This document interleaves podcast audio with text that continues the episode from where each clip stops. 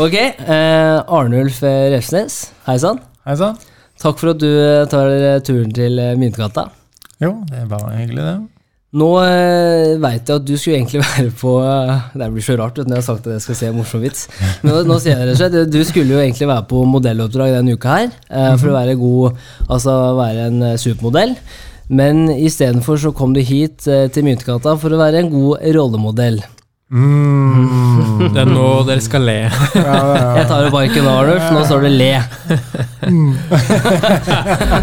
det var en veldig dårlig start, men uansett. Det var en Nei, start. det var en start. Det var det. Var det. Ja, ja, absolutt. Så eh, vi sitter jo her som alltid, eh, jeg og Odin. Nå er det faktisk tredje gangen jeg husket å introdusere deg eh, riktig. Jo, tusen takk. Det setter jeg alltid pris på. Jeg sitter og lurer litt uh, hver gang om Yes. du skal huske det eller ikke. Klarer det, klarer det ikke? Ja. Det er jo akkurat det. Jeg sitter og tenker sånn selv. Klarer jeg, klarer jeg det, klarer jeg det ikke? Du klarte Veldig sånn eh, stygge på ryggen som sitter her.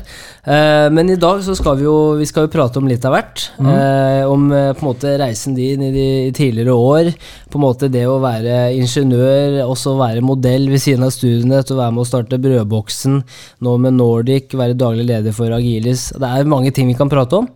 Men eh, først så må vi jo spørre hvordan går det med deg, og hvordan har de siste, siste månedene vært for deg og familien? Eh, Det har vært eh, fint. Vi har vært på Sørlandet på ferie.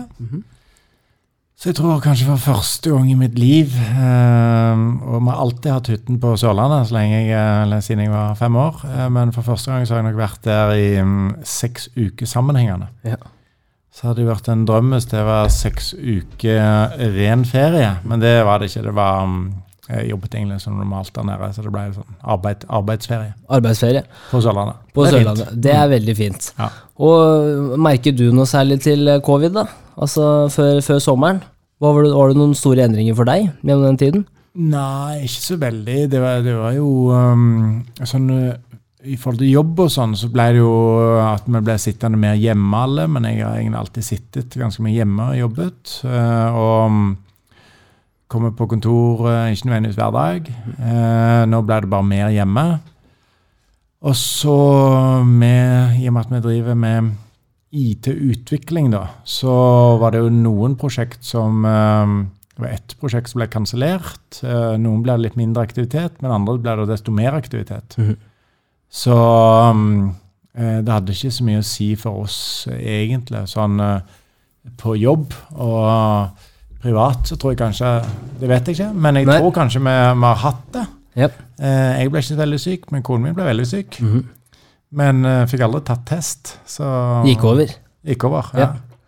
Så um, Ja, nei, det er egentlig i, I en spesiell tid så har det ikke egentlig vært så veldig spesielt for oss. Nei. nei.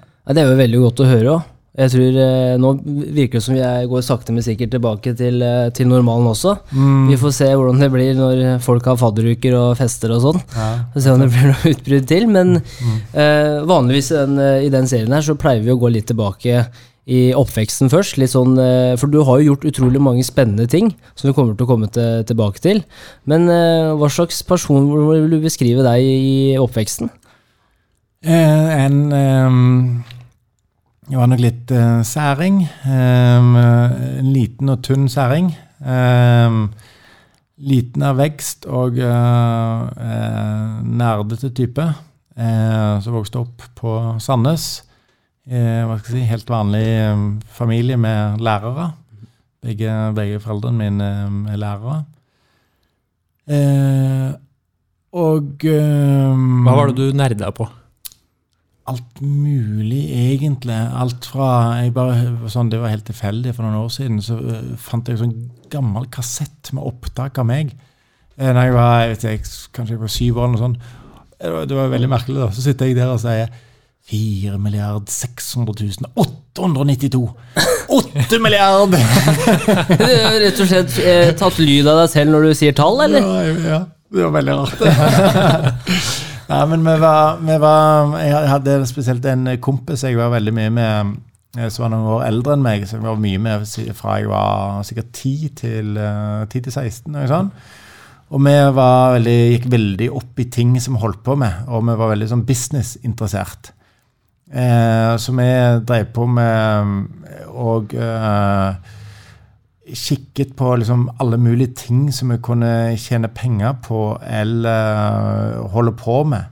eh, vi- for eksempel, vi var, drev mye på med hest. Eh, travsport eh, tiltalte jo mer, oss mer enn riding, for det inkluderer løp med pengepremier og uh, Og da var du tolv år, eller? Når du begynte med Spilte på hest. Ja, spilte på hest. ja. Spilte på hest som tolvåring? Eh, ja. Tolv lå ja. Eh, vi, var mer eh, altså For så vidt vi spilte litt òg, men eh, vi, vi, var mer interessert i selve mm, liksom, eh, det å ha hest og trene hest. og mm, stelle med hesten, men òg få fram en god hest, mm. sånn at det blir økonomi i det. Ja. Ble, det blir som en startup, nesten. Det blir som en liten startup. Ja. altså Utsatt for uh, Plutselig så kommer det skader, så hesten uh, ikke kan løpe mer og sånn. ja. Så um, hest holdt vi med på med, og for så vidt det var også veldig spesielt. Akkurat når vi begynte med hest, så spilte vi kanskje litt mer. Uh, da hadde vi levert inn en sånn um, V- V6-kupong, som det het eh, på den tiden. Eh, hadde de fem første løpene riktig, og da var jeg jo tolv år, eh, lå an til å bli en sånn premie på 50 000-70 000. Og på den tida òg? Ja, på den tiden. Det er jo, hva skal jeg si, det er ikke bare ikke i fjor. Det er 35 år siden. 36. Så um, eh, hadde bare én hest, Bankers, i siste løp. Slogum-Stina, husker du veldig godt. Slogum-Stina leda inn på oppløpet, og vi bare yeah, yeah! Og galopperte 50 meter fra mål. Ja. Og hvis de galopperer og galopperer over mål, så blir de diska. Ja. Så vi bare Og der var du, og der var du ut? Der var det ut, så vi, vant vi et par tusen da, på, Ja. for vi fikk fem rette. Mm -hmm. Så og neste gang, bare neste uke, spilte vi òg V6. Da, var vi jo, da hadde vi de fire første riktig, og vi bare yeah! Men det stoppet der. Ja. Eh, men ja, nei, vi var mer interessert i som selve sporten, men òg det økonomiske av sporten. Mhm. Helt til, med, til det smalt litt. Vi hadde en ulykke. Ja. Eh, var ute og kjørte med en hest. og kom kjørende på en sånn eh, Kom kjørende på en sånn um, Skal vi ta det om igjen, eller? Nei, nei, det, Nei, går, det, går, det er lydeffekt. Ja, når du krasja med hest. Ja. Eh, kom kjørende på en litt smal grusvei, som du gjerne kjører på med, med hester. Litt i utkanten av eh, Sandnes. Så eh, står det plutselig en gravemaskin midt i veien der. Alle hester er livredde gravemaskiner. Så vi bare Shit, vi må snu. Og så hadde vi sånn kjempesvær kjerre eh, bakpå bygda. Sånn to fir med fire hjul eh, og, og greier. Så snur vi. Eh, og idet vi klarer å snu, eh, så begynner hesten å løpe. Jeg er en sånn bitte liten eh, tolvåring som henger eh, som slips etter den der hesten og klarer ikke å holde, og hesten bare løper av gårde. Eh, fritt eh, i trafikken i Sandnes. Gjennom gate og byggefelt og gjennom en hage med en sånn kjempesvære, sikkert 300 kilos vogn bak seg. Så til slutt så, så vikler hesten seg inn i sine egne tømmer og da, Ja. og stopper. Så var et PR-stunt, rett og slett. Ja, PR-stunt. For, å bygge litt hype i Sandnes. Ja. Ja. Nei, det var, det var, det var, det var, det var ganske mm, eh, traumatisk. Eh, og vi, vi følte vi måtte ta en pause med hest etter det. Og, og det følte han som eide hesten òg, for det var ikke vår hest. Så han bare tror jeg kjører hesten sjøl en periode nå. Ja. Ja, det, altså, det høres ut som vi skulle snakke, om, snakke med Arnulf 35 når han driver og, og vedder på hester her, men det var eh, altså tolvåring. Ja, ja. Ja. Men eh, hva skal jeg si, jeg, eh, jeg skjønner jo at jeg aldri har vært noen gambler. Jeg har alltid skjønt at uh, gambling er en, uh, ikke nødvendigvis en veldig rask, men en veldig sikker metode å tape pengene på. Mm. Det har egentlig aldri interessert meg. Hva er ditt forhold til risiko? Bare for å hoppe inn i det med tanke på at du begynte som tolvåring og ikke gamble, men å på en måte vurdere uh, kalkulert risiko, rett og slett. Ja, jeg eh, Ja, altså ja, jeg har alltid vært veldig interessert i kalkulert risiko. Jeg husker òg, det kom jeg på nå, jeg var veldig, vi holdt veldig med på med systemet akkurat når vi skulle ha hest. og Det, det er jo veldig lenge siden dette, her, så da var det jo, ble det utgitt bøker, og det ble solgt systemet. Så folk skulle liksom um, eh, øke vinnersjansene sine. Men det som ja, sånn sånne tippesystemer som er for veldig populært på den tiden, de øker jo ikke sjansen i det hele tatt. Nei. Men det, de gjør om på sjansen til å vinne. Og så gjelder det å designe et system som gjør at du høres ut som du har stor sjanse for å vinne, men du klarer ikke å gjøre noe med det. Mhm. Så jeg husker jeg holdt på å, å jobbe med et uh, system for, um, for lotto. Så husker jeg også at jeg hadde tenkt, og jeg var jo bare 13, jeg liksom, og hadde disse tankene 14, Mhm. at det er jo shit å stå en Cray-maskin oppe i Trondheim. Hvis vi leier plass på denne Cray-maskinen og eh, liksom klarer å bruke det i markedsføringen, at denne superdatamaskinen, eh, dette lottosystemet har blitt utvikla på superdatamaskinen i Trondheim, da kan vi selge mye av et sånt lottosystem. Mhm. Så skjønte jeg da at et system for å spille lotto det gjør ingenting med vinnersjansene, men det går an å, det går an å eh, definere vinnersjansen på en annen mm. måte, sånn at det kan høres ut som du har større vinnersjanse. Som, som du må bare ha fire tall riktig, og så tar systemet seg av resten og sånne ting. Mhm. Så, men uh, Huset vinner alltid. Hæ? Huset vinner alltid. Huset vinner alltid. Så da var min tanke da at uh, de kommer ikke til å vinne noe mer, men vi som selger systemet, vi kommer til å tjene penger. Så hadde altså gründergenet fra en tidlig alder. Ja, eh, veldig. Vi, altså, vi, vi holdt på med alt, alt mulig. Vi eh, drev og regnet masse på angora-kaniner eh, når vi var litt yngre. Eh, på, yngre, ja. jeg var litt over det da vi var 14. ja, ja, ja. Jeg føler vi har, vi har kommet med gjennom mye her, og vi har fortsatt ikke passert Nei, for jeg, 14-årsalderen. nå begynner jeg begynner å tenke litt tilbake når jeg var tolv år, da. det jeg kan huske i hvert fall. Og da, det var jo Ninja Turtles og, og lomper med smør og sukker som jeg fikk på meg i skauen av mamma da jeg skulle leke Og med Og kanel, selvfølgelig, med gutta. og Vi lekte Ninja Turtles. Jeg var Leo, selvfølgelig. Og det er jo Det er jo store kontraster i forhold til det å drive og, og vedde på, på hester og drive og, og drive med, lage business. Det er interessant. Det, når, når jeg tenker så faktisk var jeg yngre for at jeg, med, eh, jeg var faktisk det, for at når vi, vi slutta faktisk med hest når, eh, når jeg begynte på ungdomsskolen. Eh, av at vi brukte hester, Mm. pengene som vi skulle kjøpe hest for, hadde kjøpt med båt istedenfor. Ja. Og lur investering, kanskje. Eh, båten sank. Men vi fikk de pengene, pengene fra forsikringen, da. Men, men da lurer jeg, Arnulf, når du har fått en så bra eller holdt jeg på å si bra start på business-forståelsen i ung alder, hvordan var videregående for deg da? Altså, var du, fikk du festa litt ut og vært litt vill, eller var det bare kalkulert risiko? Nei, vi fikk kombinert akkurat der. der. Ja. Fordi at eh, Starta eventselskap. Nettopp. det? Gjorde du det? Nei, ikke akkurat eventselskap. Men eh, jeg ble jo da på videregående, så ble jeg liksom eh, eh, elevrådsformann på den der videregående skolen. eh, og så skulle det arrangeres eh, juleball. Eh, og så bare var det et møte i elevrådet, og så bare masse eh, idé om at dette skulle ordnes. Sånn, så jeg bare du, jeg fikser dette juleballet. Er det greit? Jeg tar meg av alt. Jeg tar av inntektene, jeg gjør utgiftene, alt sammen. Jeg skal fikse det kuleste juleballet. Er det greit? Alle bare Ja, ja, bare, bare gjør det, du. Så gjorde vi det. Fiksa med det kuleste juleballet. Eh, og eh, det var, det var jo Sandnes dette, men det var plass til 800, 800 folk inne på det diskoteket. Ja. Men de der eh, billettene koster 100 kroner, men de gikk på svartebørsen for 500 kroner de siste dagene før, for alle var desperate å komme inn på dette her, for vi hadde liksom vi hadde gjort så bra markedsføring for Ja. greiene. Eh, og det ble helt bra, det. Men, Ja. og, og det var veldig bra business for Ja. oss. Var skjenkebevilgning òg, da? Nei, det var ikke skjenkebevilgning. Det, det var jo bare for 16-åringer, dette. Ja. Så, men det var fortsatt, altså, når du selger altså, billetter til eh, diskoteket til, for eh, altså 800 kroner på svartebørsen, det er ganske bra. Ja, nei, de gikk, på, de gikk for fem ganger den opprinnelige prisen, så vi solgte det vel egentlig for 150, tror jeg. eller noe sånt. Ja, mm. Så vi fikk vel inntekter på en ca. 120 000, og så gikk noe til, eh, gikk noe til diskoteket, da, selvfølgelig. Ja. Og da, men hva slags, hva, slags tanker hadde du da når du var på videregående? Hva skulle du gjøre etter, eh, etter videregående? Hadde du, hadde du satt deg noen bestemte mål at nå skal jeg bli ingeniør, og så skal jeg gjøre det, og så neste steg der? Eller var det litt sånn du, du tok det som det, tok som det kom?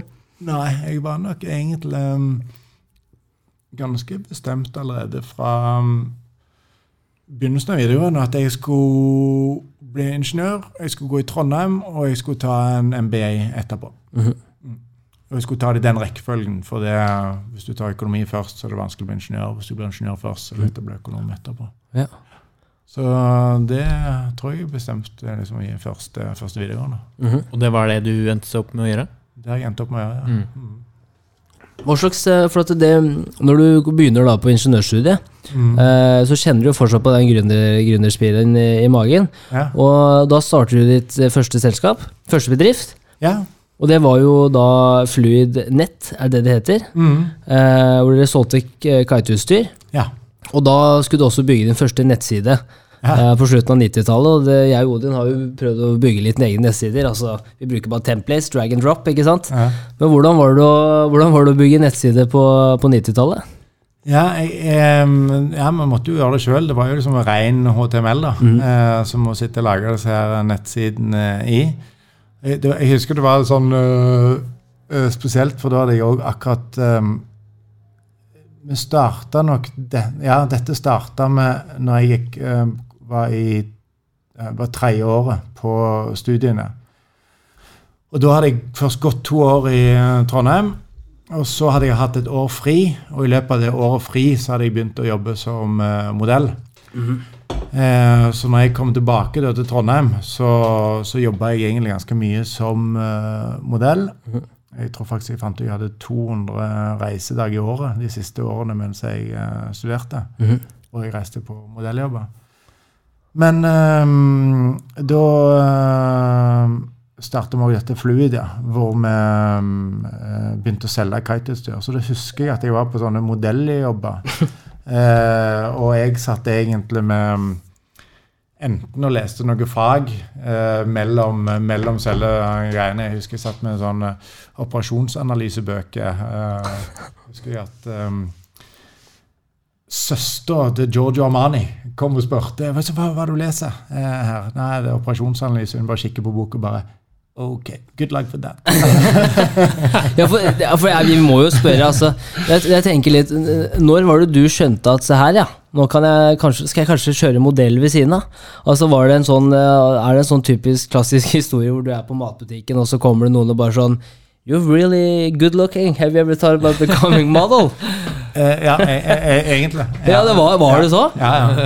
Eh, det, var, det var egentlig Jeg jobbet Eller jeg studerte jo i to år, og så tok jeg da fri for å reise sammen med kompiser fra videregående. Type jord rundt, den klassiske jord rundt-turen. Og da eh, var det faktisk flere som spurte når vi var i Los Angeles ganske, ganske tidlig på turen, om jeg var interessert i å jobbe som eh, modell der. Jeg bare nei, nei, jeg skal, skal videre til Australia. Jeg eh, passer, passer litt dårlig. Eh, men så bare var det en som sa kanskje bare komme inn på kontoret og, øh, og, og ta en prat om det. Og så gjorde jeg det, da. Så var jeg inne på et sånn eh, modellbyrå i Los Angeles der, da. Så sa han OK, jeg skjønte du, skjønner du er bestemt på å reise videre og på backpacking-turen din, men eh, hører du skal til Australia? Ja. Det, Australia er et veldig bra land for um, folk som starter som modell. Så det, um, um, det Det er en bra plass. Så ja, ja, whatever, tenkte jeg. Det, jeg skal ikke bli modell uansett. Så. Men så, så kom jeg til Australia. Eh, og eh, skulle bare tilfeldigvis litt sjekke hvor mye penger, hvor mye penger har på konto. Eh, før vi reiste videre nordover Australia. Jeg var da i Sydney. Så jeg var jo helt tomt for penger. Jeg brukte opp alle pengene. Så hadde jeg jo valget da enten reise tilbake til Norge eh, eller bli i Australia. Så tenkte jeg da blir jeg i Australia til, um, til september, når studiene starter igjen. Og dette var sikkert i mars eller eh, noe sånt. ja. Så da eh, tenk, Så husker jeg hva han sa. Shit, kanskje um, Kanskje modellgreiene kunne vært noe her i Australia istedenfor. Så da um, eh, var det en som spurte i Australia òg eh, om jeg var interessert. Så jeg ja, det er jeg interessert i. Og så ble det sånn. Ja. Ja. Hvordan var det første møtet? Var det, var det noe du tok lett, eller det plutselig å bli modell? Og jeg vet, altså jeg har aldri vært modell selv, nå bare spør jeg for at kanskje altså et annet liv, kanskje jeg kunne blitt modell, men hva, hva var liksom Var det noe som kom veldig naturlig for deg, eller måtte du liksom, var det mye forberedelser når du skulle inn der og Nei, det, det hva skal jeg si, det er, det er liksom ingenting spesielt. Du bare står der og blir tatt bilde av. Ja. Det er ikke noe å kunne, det er ikke noe å gjøre. Du må liksom, så lenge du liksom bare klarer å slappe av foran et kamera, så er det greit. Ja. Og det klarte jeg sikkert ikke til å begynne med, men eh, med litt øvelse og, og bare bli vant med det, så er det Mhm. greit, det. Ja. Mm. Det, det er jo litt interessant, det kommer jeg på nå. Det er jo det har jo dukka opp noen sånne robot-influencers og modeller. Tror du, Ja. tror du det kommer til å ta over i fremtiden? At ikke mennesker lenger er modeller? Ja, sikkert litt. Men på, på den annen side, så for I store kampanjer så kan jeg godt tenke meg hvor det er store budsjettet, ja. Mm. Men uh, det så, tenk veldig mye bilder Nå er det jo mm, Nå er jeg eh, lenge siden jeg har jobbet som modell nå, eh, men veldig mye av bildene er for type sånn eh, kataloger. Eh, som nå er sikkert webside. men gammeldags er det liksom sånn eh, Hva det het Hennes og Maurits-katalogen og Ellos-katalogen og sånne ting. Jeg vet ikke om de eksisterer fremdeles. Katalogene. Bare websiden nå. Ja, kanskje det er det. Vet ikke. Ja, Jeg leser ingen kataloger, i hvert fall. Nei, jeg leser, jeg leser, jeg leser Biltemakatalogen. Ja, den fin. eksisterer. Ja, den er fin. den er fin. Det er et bra tilbud. Ja. Men eh, eh, da det, det, det er så enormt mange klær som det skal tas bilde av. Eh, og jeg tror det er lettere å bare putte det på en person og ta bilde, enn å animere et bilde eh, med disse klærne så viser klærne godt. Men i sånne kampanjer hvor du gjerne bare skal vise et ansikt i et miljø og litt sånn artsy greie, type sånn parfyme og sånn, så kan jeg godt tenke meg at de mm, eh, bare bruker eh, eh, ja, manipulerte bilder som Mm. egentlig ikke er en person. Ja. Mm.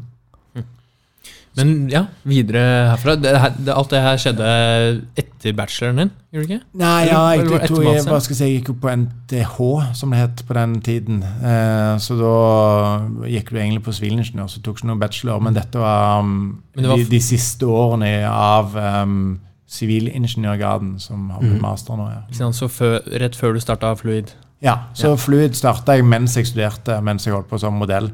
Ja. Eh, Hvor tanken egentlig bare var at um, det virker kult å surfe med drager. Um, eh, hvis vi får tak i noen drager og klarer å selge to av dem, så kan vi beholde en av dem gratis. Det var tanken med en kompis, eh, Pål. Hvordan gikk det? Jo, det gikk fint. Med, når vi begynte med eh, drager, så, så var det liksom ikke sporten oppfunnet. Ja. Eh, internett var akkurat blitt oppfunnet. Eh, sånn at eh, da hadde Men ikke på samme måte som nå, men da hadde vi en sånn diskusjonsgruppe hvor jeg og kanskje 30 andre i verden som var interessert i drager, hadde en sånn diskusjonsgruppe som hvor vi lurte på om kitesurfing kanskje kom til å bli en sport i fremtiden. Mm. For nå var det ikke noe sport, det var bare masse nerds som holdt på å fly drager og prøvde på vannski eller stå på brett eller på ski eller på snøen, et eller annet. Så, men så var det noen som begynte å produsere kommersielle eh, drager eh, til kitesurfing på Hawaii. Så tenkte vi at ok, la oss importere noen av de, få tak i noen av de og selge, og se om det blir noe business ut av det. Jeg husker at jeg hadde møte med Elling Ballhall òg, som var som eh, litt uh, kongen på Han hadde hatt Burton-import uh, lenge. Mhm. Så jeg husker jeg hadde møte med han, sa jeg du, vi, vi lurer på om det om, eh, Kanskje om løpet av et par år kommer til å selge 200 drager i året. Tror du det er mulig? Han, ja, det tror jeg er absolutt mulig, sa han. Hvis, den, hvis det blir en sport ut av dette, så kommer dere til å selge mye mer enn det. Jeg bare, wow, ja, det hørtes mye ut. så det gjør vi jo ganske fort. Ja. Så satte dere opp en eh, nettside som dere bygde helt selv i 1998, var det? Ja, eh, det gjorde vi da, ja. Og da var vi jo Eller da var hva skal Det aller første lagt jo jeg som i HTML, men vi hadde en eh, ja, ja, den smarteste personen jeg kjenner, Øystein Bjørke. Han eh, lagde eh, det vi trengte av websider, både handel, diskusjonsforum. Vi lagde jo egentlig faktisk en, en, en veldig lignende YouTube. Mhm. Eh, sånn at folk kunne sjøl laste opp videoene sine som eh, sjøl eh, kitevideoer. da. Mhm. Og eh, for, bare å spre det ut, som ble veldig populært på den eh, tiden. Mm. Så dere bygde community, rett og slett? Bygde community, ja. Mm. Som eh, ja, kite.no. Hvordan var det med logistikk og alt mulig? Altså, folk var jo ikke vant til å handle på nett, så liksom kjøpe og få levert og sånn. Nei, og, og eh, derfor så um, eh, eh, Eh, derfor hadde vi òg en sånn eh, lager hvor folk kunne komme innom og hente ting. Det var, det var ikke mens folk som bodde i nærheten da. Eh, Det er det som har blitt til Fluid nå, som ligger oppe i Kirkeveien. Mm. Det var nesten bare det lageret som flytta inn i lignende butikklokale. Mm. Mm. Så nei, da da var jo Nå er det jo bare, bare å starte en webside med Vix eller Shopify og, mm. og nettbutikk. Ja. Men det går veldig fort. Men da var alt nødt til da alt var veldig, veldig komplisert. Mm. Det er litt mer konkurranse nå også, kanskje? Litt mer konkurranse, definitivt. Men uh, Fluid nå, det, det, som du sier, det ligger oppe i Kirkeveien. Det lever fortsatt, men du er ikke aktiv der i det hele tatt? Nei, jeg solgte meg ut for vel sikkert ti år siden eller noe sånt. Ja. Da, for da var jeg ferdig å studere, og så hadde jeg jobba med hva skal jeg si, vært litt sånn blanding av eh, profesjonell kiter, eller semi- semiprofesjonell kiter, og drifta fluid og vært værmelder en eh, periode innimellom der. Hvordan kom det til, da? Det var på butikken. Var det også på butikken? Ja. Eller var det pga. at du var modell, og så var det et naturlig Ja, springbrett til Ja, det, det, det, hva skal jeg si, det var jo TV Norge som ringte og spurte om jeg eh, Du, vi skal starte nå med værmeldinger. Kunne du tenke deg å være værmelder? Så jeg bare eh, Ikke noe audition eller noen ting? Bare Ja, jo Ble headhunta, rett og slett? Ja, headhunta som værmelder. Men eh, jo, så spør jeg kanskje bare komme ned og ta en prat. Så kommer jeg ned og tar en uh, prat med dem. og så sier de ja, du, vi vil gjerne at du skal gjøre værmeldinger for oss. Så sier de òg, det er litt morsomt, så sier de at um, For vi har hatt uh, 50 på intervju her, eh, og audition. Vi kan ikke bruke noen av de. Så sier de jo, kanskje vi kan bruke én av de som har vært her. Uh, Synnøve Skarbe heter hun. hun kan vi nok bruke. Ja. Men ingen av de andre 49 som, som har vært her. Og så sier de òg kan eh, men også er vi litt desperate. Vi trenger flere. Med, med deg, eh, har du noen kompiser som eh, kanskje er interessert i dette? her? Så sier jeg ja, Kristoffer Dons tror jeg eh, har vært en bra type til dette. Send han ned. Så forberedte jeg og han litt på hva som kom til å skje Ja. når han eh, kom ned der. Eh, og så ringer de meg etterpå. Ja, han var kjempebra, vi bruker han òg. Så ble det meg og Christopher Dons og eh, Synnøve Skarbø som ble liksom de første værmelderne Ja. på TV Norge. Men det var bare sånn ekstrajobb. Egentlig mest en sånn jobb som vi tok pga. at da kom vi i en posisjon hvor vi kunne reklamere veldig mye for vår egen kitebutikk. Mhm. Eh, så ikke reklame som vi måtte betale for, men tvert imot reklame som vi fikk betalt for. Ja, ja. Hva tenkte TV Norge om det? At dere kjørte produktbalansering i, i programmet deres? Nei, det var vel diskusjoner av og til. Men Ja. som sånn, du må ikke kite på hver eneste værmelding. Hvordan var det dere gjorde det? Altså, Dere snakka om det? Viste dem noen videoer? Eller noe ja, vi, hva skal jeg si, vi passet jo ofte på å være på en plass som vi kitet når vi hadde værmeldingene. Men det gikk jo ikke hver dag. på en måte. Ok, Så dere var fysisk ute rundt omkring? Dere sto Mm. Ikke med det klassiske værkartet i studio? Det gjør vi òg, Ja. men vi prøvde å være mest mulig ute. Ja. Eh, og gjøre liksom, værmeldingene ute. Tenke dette. synergier, rett og slett. her er det godt Jeg bare ser for meg liksom, å stå på en strand, og her er det godt vær for kiting. Er det en fra Fluid der? Ja. Det tror jeg det er. Den er fin, den. Så var vi jo sponsa av Solo Pluss, som fantes i den tiden. Da sto vi Ja. alltid med så, «Ja, Solo Pluss-logo. Altså. De var jo fornøyd, for de kom jo masse på TV. Og, Ja, ikke sant. Rått. Interessant. Men eh, ja, når var det liksom eh, For du begynte jo Når var det For da tenker jeg vi kan gå litt lenger fram i tid også. Ja. Eh, når var det ideen om brødboksen kom? Er det noe du har, gikk du og tenkte på det lenge, eller hvordan var det? For det, er jo, det var jo i vinden. ja. På en måte, Det var jo akkurat når det liksom begynte å slå an skikkelig. Ja, for da hadde jeg først vært innom en periode hvor jeg jobbet som aksjemegler i Nordea i seks-seks år. Og så hadde jeg begynt å jobbe um, som ingeniør um, etter aksjemeglinga. Så jeg begynte jeg å jobbe offshore som ingeniør på, på plattform. Mm. Mud-ingeniør. Og da har man, eh, er man mud-ingeniør og jobber offshore, så har man en ganske mye ledig tid. Sorry. Hjelper ikke med ikke forstyrr. Beklager, Arnold. En gang til. Ja. Så da hadde jeg begynt å jobbe på eh, oljeplattform eh, som ingeniør på oljeplattform. Og jobber man offshore, så har man mye ledig tid. Ikke bare de fire ukene man er hjemme, men eh, faktisk òg de to ukene du er offshore. Har du, mm, det er liksom relativt rolige dager. Litt opp og ned, men eh, mange av dagene er rolige. Da har man tid til å tenke mye, vet du. Så da begynte jeg å tenke mer og mer på dette her med at uh, for, få det som er helt feil. Bakeren står opp om natten for å bake ferske brød som blir sendt ut i butikken. Så de er der klokken syv om morgenen. Disse her eh, helt ferske brødene. Mm. Det blir ingen som kjøper de. Folk kjøper de nesten tolv timer senere når de kommer hjem fra jobb.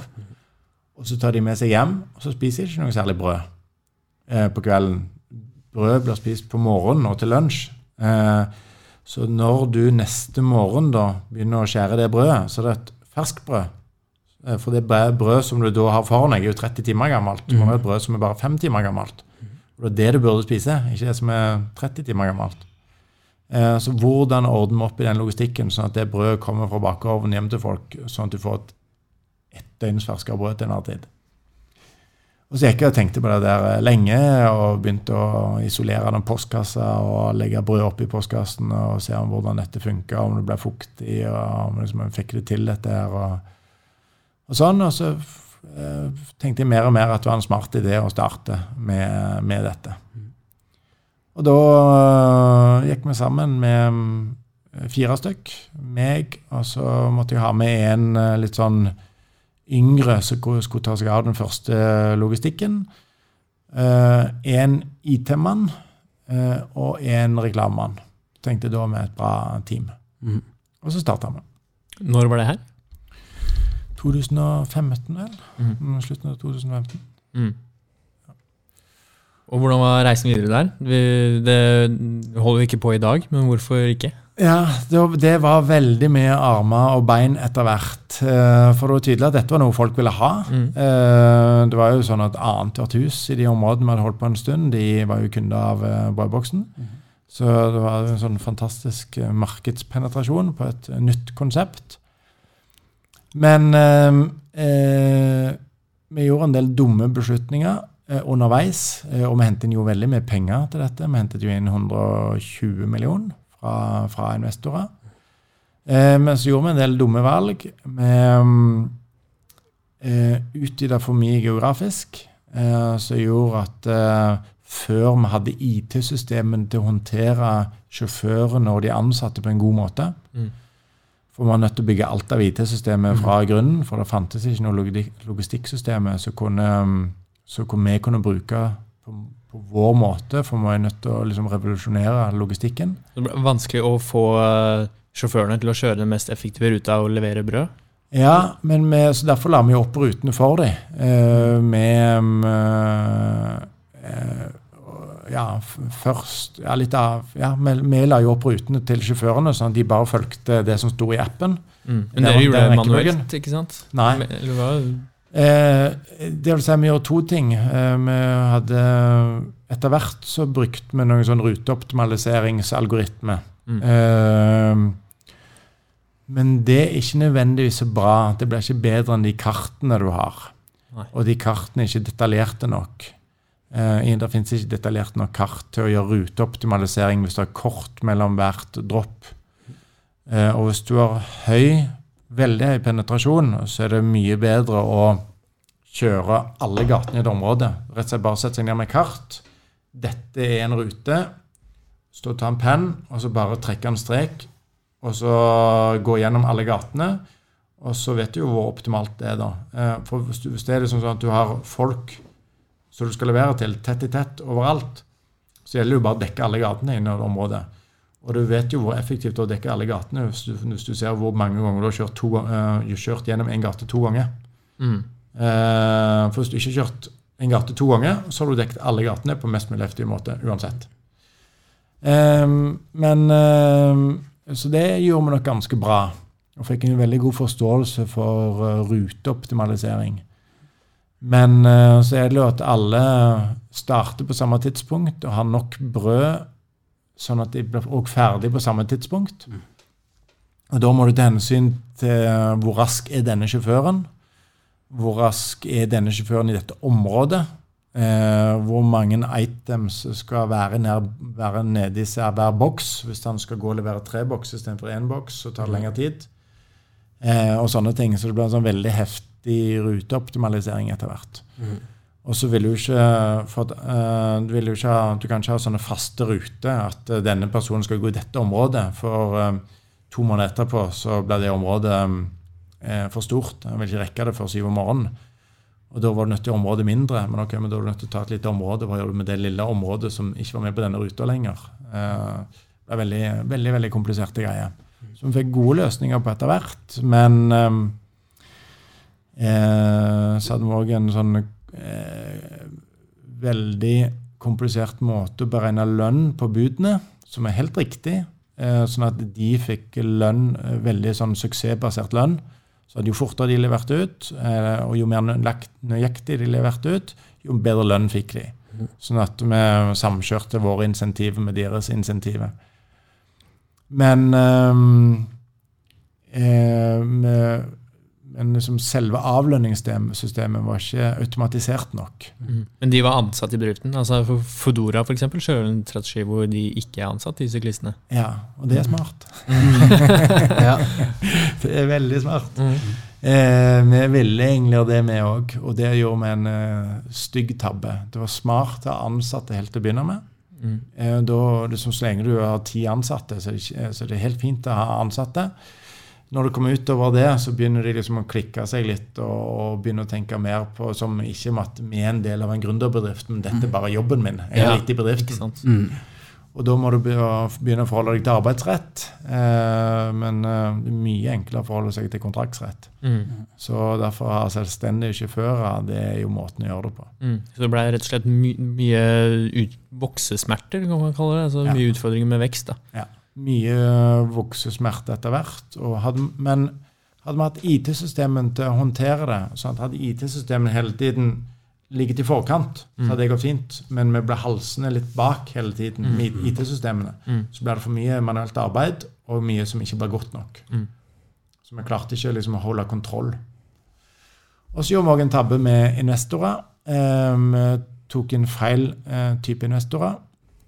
Det er noen som har tolka som at jeg kritiserer investorene, men det gjør jeg absolutt ikke. Eh, eh, de var veldig hyggelige, de, men eh, de var likevel feil for oss.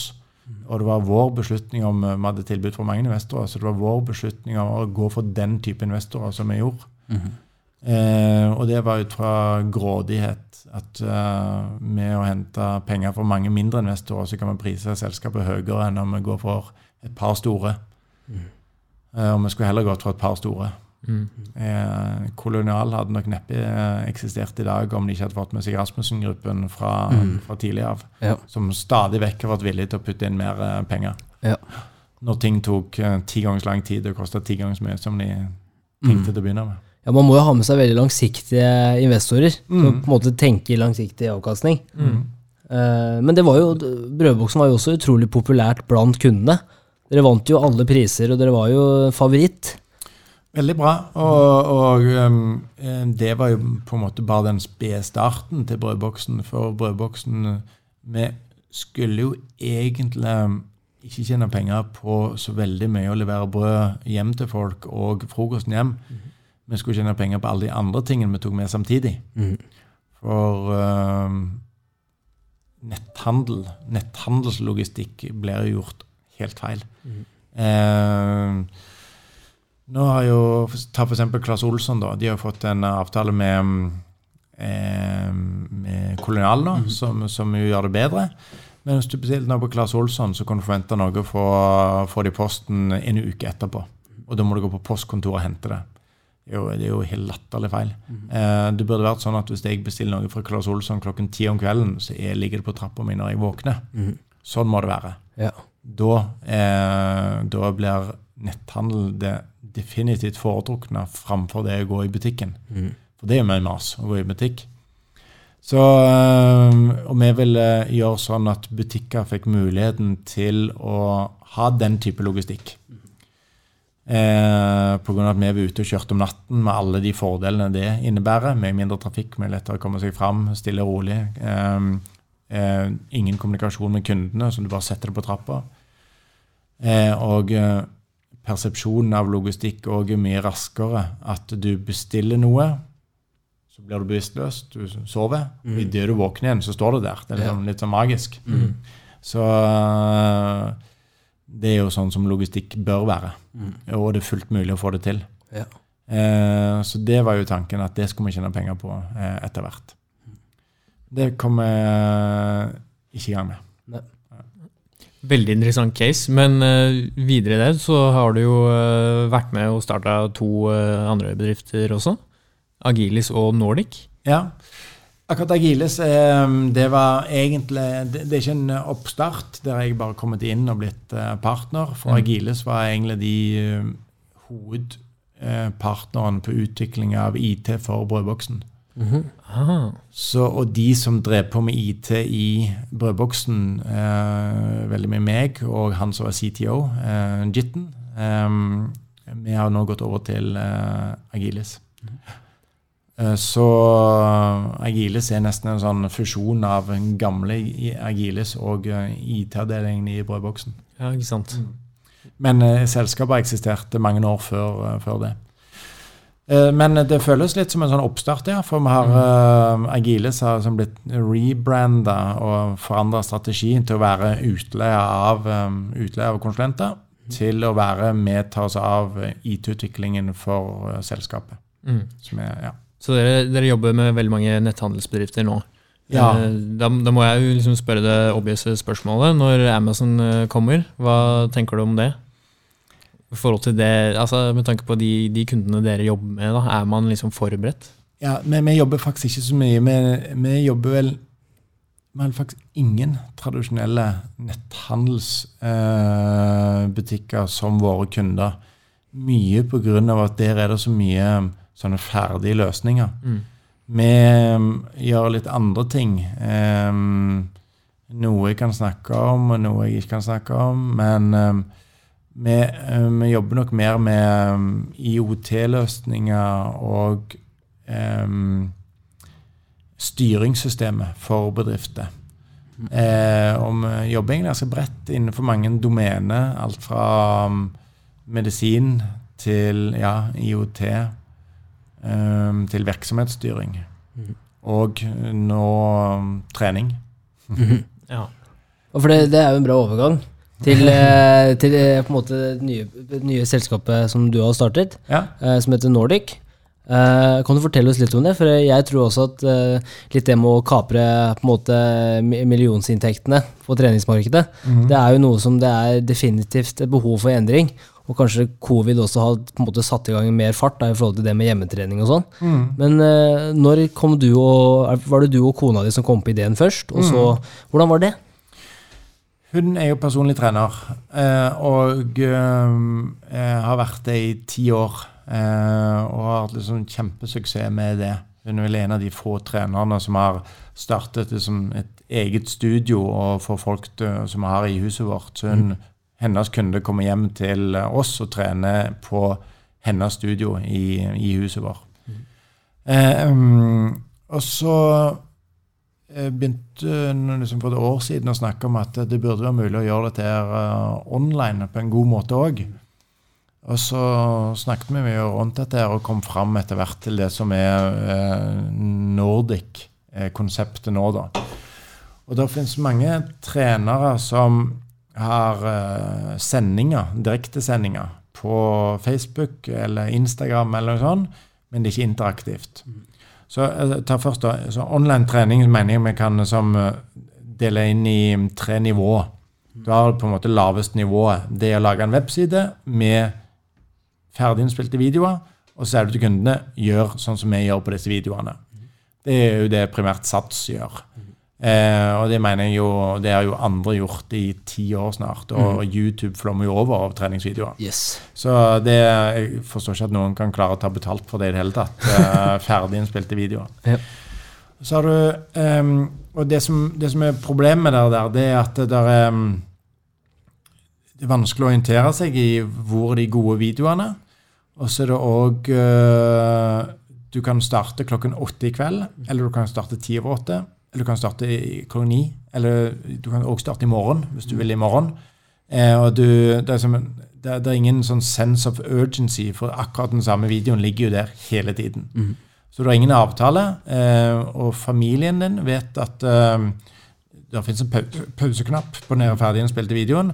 Det er, som, det er ingen grunn til at du skulle um, konsentrere deg om denne treninga som du holder på med nå, på bakgrunn av den videoen der. For du kan pause, du kan begynne i morgen, du kan begynne når som helst. Så er det direktesendte videoer. Og her, her kommer jo liksom det praktiske i konflikt med psykologien til folk. For det, det, veldig, det, høres jo veldig praktisk ut at du kan starte å trene når du vil. Men det er altfor mye frihet for folk i praksis. For, for folk skal trene, så er det mange som har forstått dette, da. Så er det jo sånn at du lager deg gjerne en avtale med en kompis. Vi starter å trene klokken åtte. For da blir det ikke noe utsatt. Da har du en fast avtale, og du pusher hverandre. Så da er det jo noen som starter med direktesendte videoer. At du er nødt til å være med. For å være med på den treningen, så starter det da klokken eh, syv i kveld. Og det De som jo lager direktesendte videoer, de merker det at uh, å legge det ut etterpå det at 90% blir med når videoen blir sendt direkte, og så 10% som ser på en sånn ettertid. For det føles liksom ikke fresh lenger. Nei. Det er litt som å se en fotballkamp uh, dagen etterpå. Selv om du ikke vet resultatet, så er det liksom det, det blir ikke det samme. Folk ønsker å se direkte når det skjer. Ja. Og så det tredje, det er jo interaktivitet. At uh, når du trener, så kan treneren se hva du gjør, og kommentere hva du gjør. Uh, og det, det, er jo det vi satser på i, i Nordic. At uh, hvis jeg da skal være med på en trening, så er jeg nødt til å dukke opp på et bestemt tidspunkt. Jeg er nødt til å booke det på forhånd, sånn at jeg lager en avtale med meg sjøl. Og så er jeg nødt til å starte på nøyaktig det tidspunktet. Folk skal komme inn i prøve, eller prøve å komme inn i rommet ett minutt over syv, da, hvis du startet syv. De får ikke lov til å være med. Så du er nødt til å være der på, på tiden.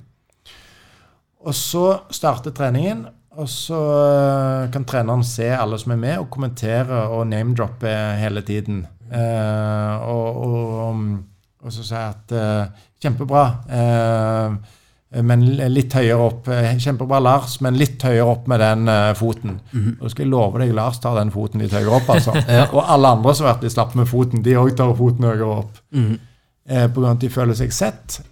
Eh, og da er ingen basically som stopper underveis i økten. For at de, ingen vil liksom, det, det, det er det positive gruppepresset. Mm. Som, uh, som, kommer om at uh, alle vil prestere foran de andre. Du får den uh, dynamikken, så du òg får en saltrening. Mm. På godt og vondt. Noen syns det er litt, sånn litt for intrusive å gå inn i en sal eller gå inn i et um, videokonferanse med mange andre som trener. Men for de fleste så funker det positivt at har du først gått inn, så fullfører du treningen din, og du gjør ditt aller beste. Mm. Hvordan gjør du det med tanke på at altså, alle har mobilen eller PC-en med webkamera? og PC-en, ja. Mm. kan Altså de, gjennom deres plattform, eller bruker man Zoom, liksom? Vi bruker Zoom nå. Okay. Eh, og Zoom eh, fungerer, men har mange begrensninger eh, som gjør at det ikke er en optimal løsning i det hele tatt. Mm -hmm. Så vi holder på å utvikle vår egen videokonferansesystem, ja. som vi tenker å lansere om et par uker nå. Yes. Ja. Da er det bare å holde øynene åpne. Da er det kanskje yes. ute når denne podkasten er ute, faktisk. Ja, ja det er det ja. faktisk. Kult. Og det er jo ingen enkel sak å lage mm. videokonferansesystem. Så det, det har vi jobba med lenge nå. Eh, det, men det ser ut til å bli ganske bra. Ja. Hva er viktig når man skal måte, gjøre den plattformen så bra som overhodet mulig? Da? For å på måte sørge for at både måte, treneren og de som er med, at begge har mulighet til å sant, følge med teamet ordentlig og bra kvalitet, men også enkelt for treneren å kunne gi tilbakemeldinger og sånn. Mm. Har dere sett det er noen spesifikke funksjonaliteter som må være på plass? Ja, altså For det første så må det jo være sånn uh, Folk må, De som deltar, medlemmene, de, få, de, kan, de bør ikke bruke mobiltelefonen. For den skjermen mm. er altfor liten. Du, det er ikke lett å se hva treneren gjør. Mm. Så du må bruke en PC. Aller best eh, koble noe, enten PC-en eller telefonen, til en TV. Eh, sånn at du får et stort, um, stort bilde. Mm. Eh, og så må han jo um, Eh, ha eh, liksom et godt og stabilt bilde, sånn at treneren ser godt hva de gjør, de som er deltakere, og at deltakerne ser um, treneren godt. Mm. Alt dette klarer en jo med Zoom òg. Men mm, det som vi vil lage, da, vi vil etterligne den følelsen du får når du går inn i en sal hvor uh, to kompiser kan uh, gå inn, mm. og trene sammen sitter ved siden av hverandre og hvisker litt til hverandre og smiler litt til hverandre. Mm. Så vi kommer til å lage um, sånn at hvis uh, dere to uh, går på samme treningen, så kan dere se hverandre. Dere kan snakke sammen. Um, uten at dere forstyrrer treneren eller forstyrrer de andre. Mm. Eh, og når treningen er over, så får, beholder dere det rommet, så dere får dere sånn egen sånn locker room-prat. Mm. Prate skit. Prate skit etter mm. trening. For hva skal jeg si, Stor del av treningen er jo den sosiale. Mm. Så du får med kompisene eller venninnene dine. Mm. Eh, og det er jo det som gjerne driver folk på trening òg, at de har en fast avtale, og at de har det gøy på den avtalen. Og For å få det gøy, så må du liksom kunne prate skit med kompisene. Ja. Både før og etter. Mm. Og vi Derfor lager vi videokonferansesystem med akkurat denne funksjonaliteten. Og mye annet som ikke eksisterer på Zoom eller Teams eller tilsvarende systemet. Mm. Eh, og det har jo tatt eh, lang tid for oss og koster oss mye, eh, men det begynner å nærme seg noe nå. altså. Mm. Så akkurat denne lockerroomen det kommer ikke til å ha når vi lanserer systemet. Så vi hadde egentlig bare at idet vi har noe som er like godt som Zoom, mm. så begynner vi å bruke vårt eget system. Ja. Eh, og så Det har vi om ja, noen uker. Eh, og så eh, Men med Zoom så hadde du stoppa der. Mm. Eh, eller Zoom eller Teams. Men i og med at vi har vårt eget system eh, som vi har bygget sjøl, så kan vi lage, mm. lage, alle de funksjonene vi ønsker å lage, ja. som er bedre enn Zoom. Mm. Så det vil komme utover høsten. da. Og Der har dere også mulighet til å ha prøvekaniner, og på en måte teste på alle de som er med allerede i dag. Mm. Og se hva som funker og ikke funker. Så ja. det er jo kjempeinteressant. Ja. Mm. Det, det, ble jo sånn at vi, vi tester ny funksjonalitet på enkelte timer og ser hvordan det fungerer. Mm. ja. Kult. Men, eh, men, litt sånn gjennom karrieren din nå, da, for nå har vi vært innom veldig mye forskjellige ting.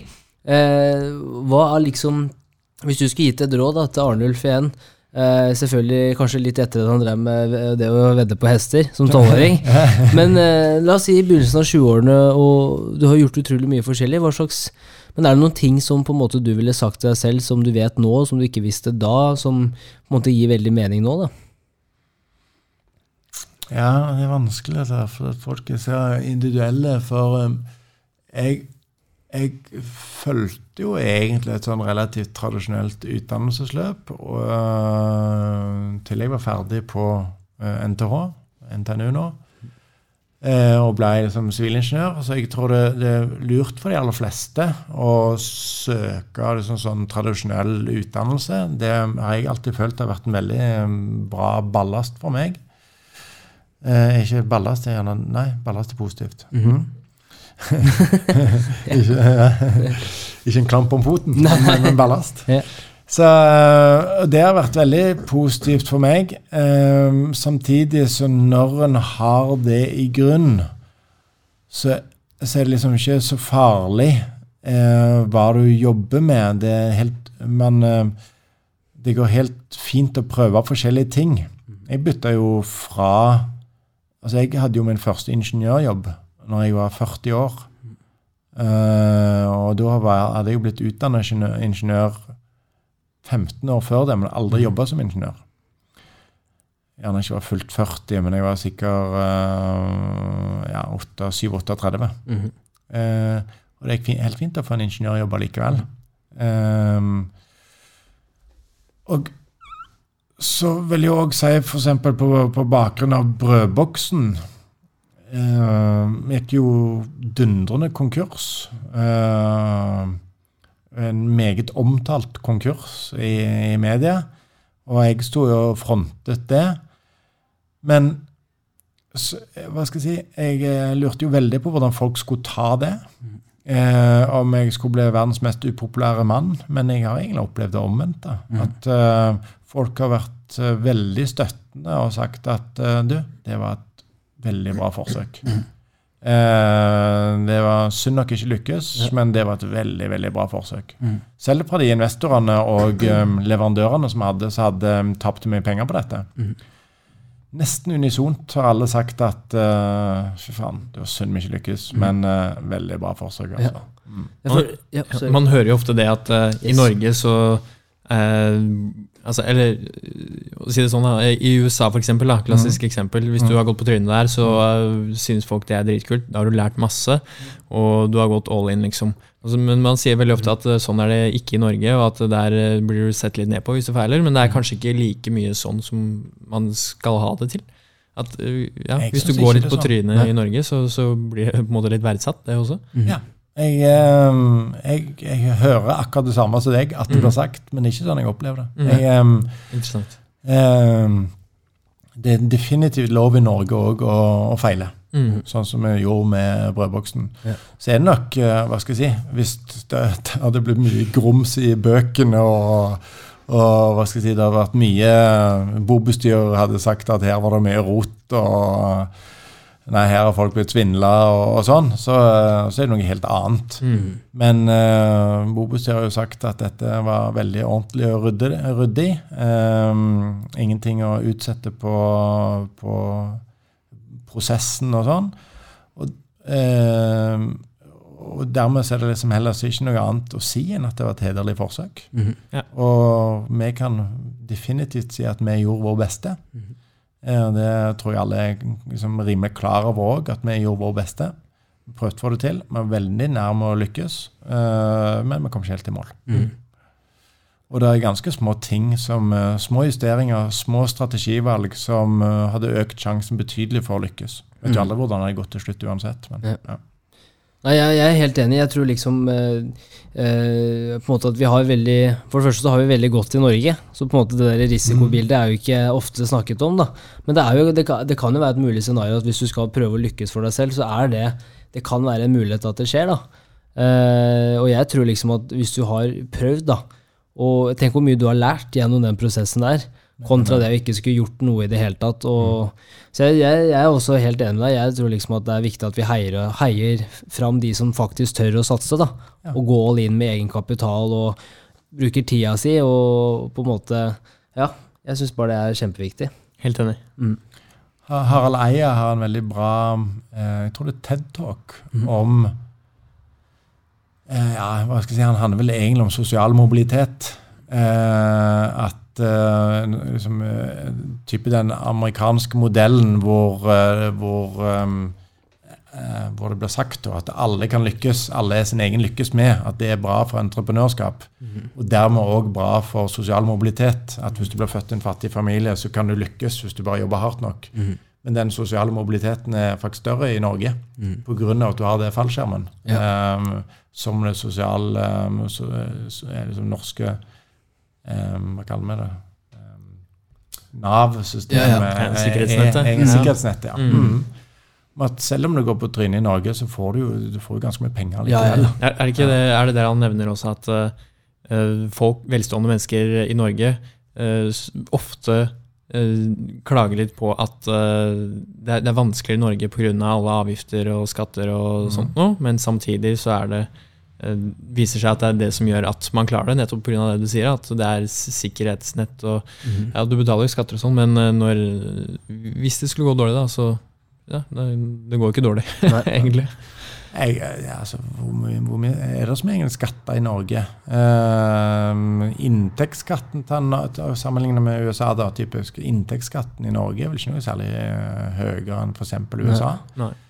Moms. Ja, Det er moms- moms- hvis, du, moms- hvis du driver et lite selskap mm. med få personer, så blir det jo eh, en del med tanke på moms på selskapet, og deg Ja. personlig, og eh, noen runder der, da. ja, Mm. Arbeidsgiveravgiften. Ja. Um, det, for den er jo egentlig en, en del av inntektsbeskatningen, den.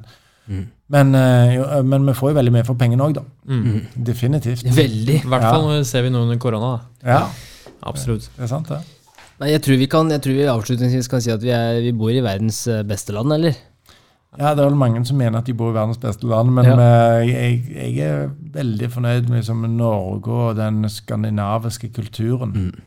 Eh, jeg, jeg trives veldig godt i, liksom, i ja, liksom, de politiske miljøet som finnes i Skandinavia, og eh, det sosiale miljøet. Mm. Jeg tenker Et siste spørsmål, Arnolf. Det er litt interessant å vite. Men hva er det som får deg opp om morgenen? Eh, eh, faste avtaler.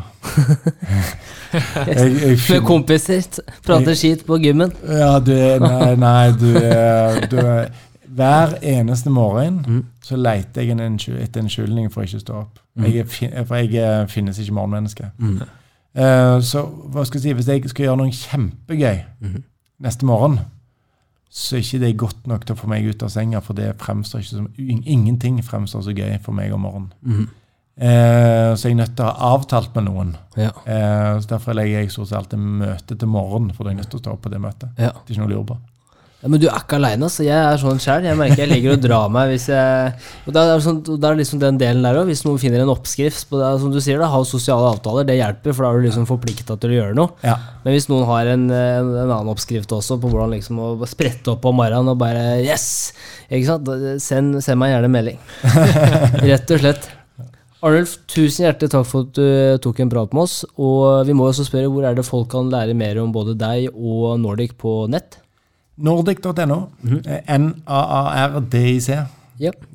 Så jeg lover det finnes ikke bedre online-trening noen sted i verden Boom. enn Nordic. Fantastisk. Tusen hjertelig takk. Tusen hjertelig takk.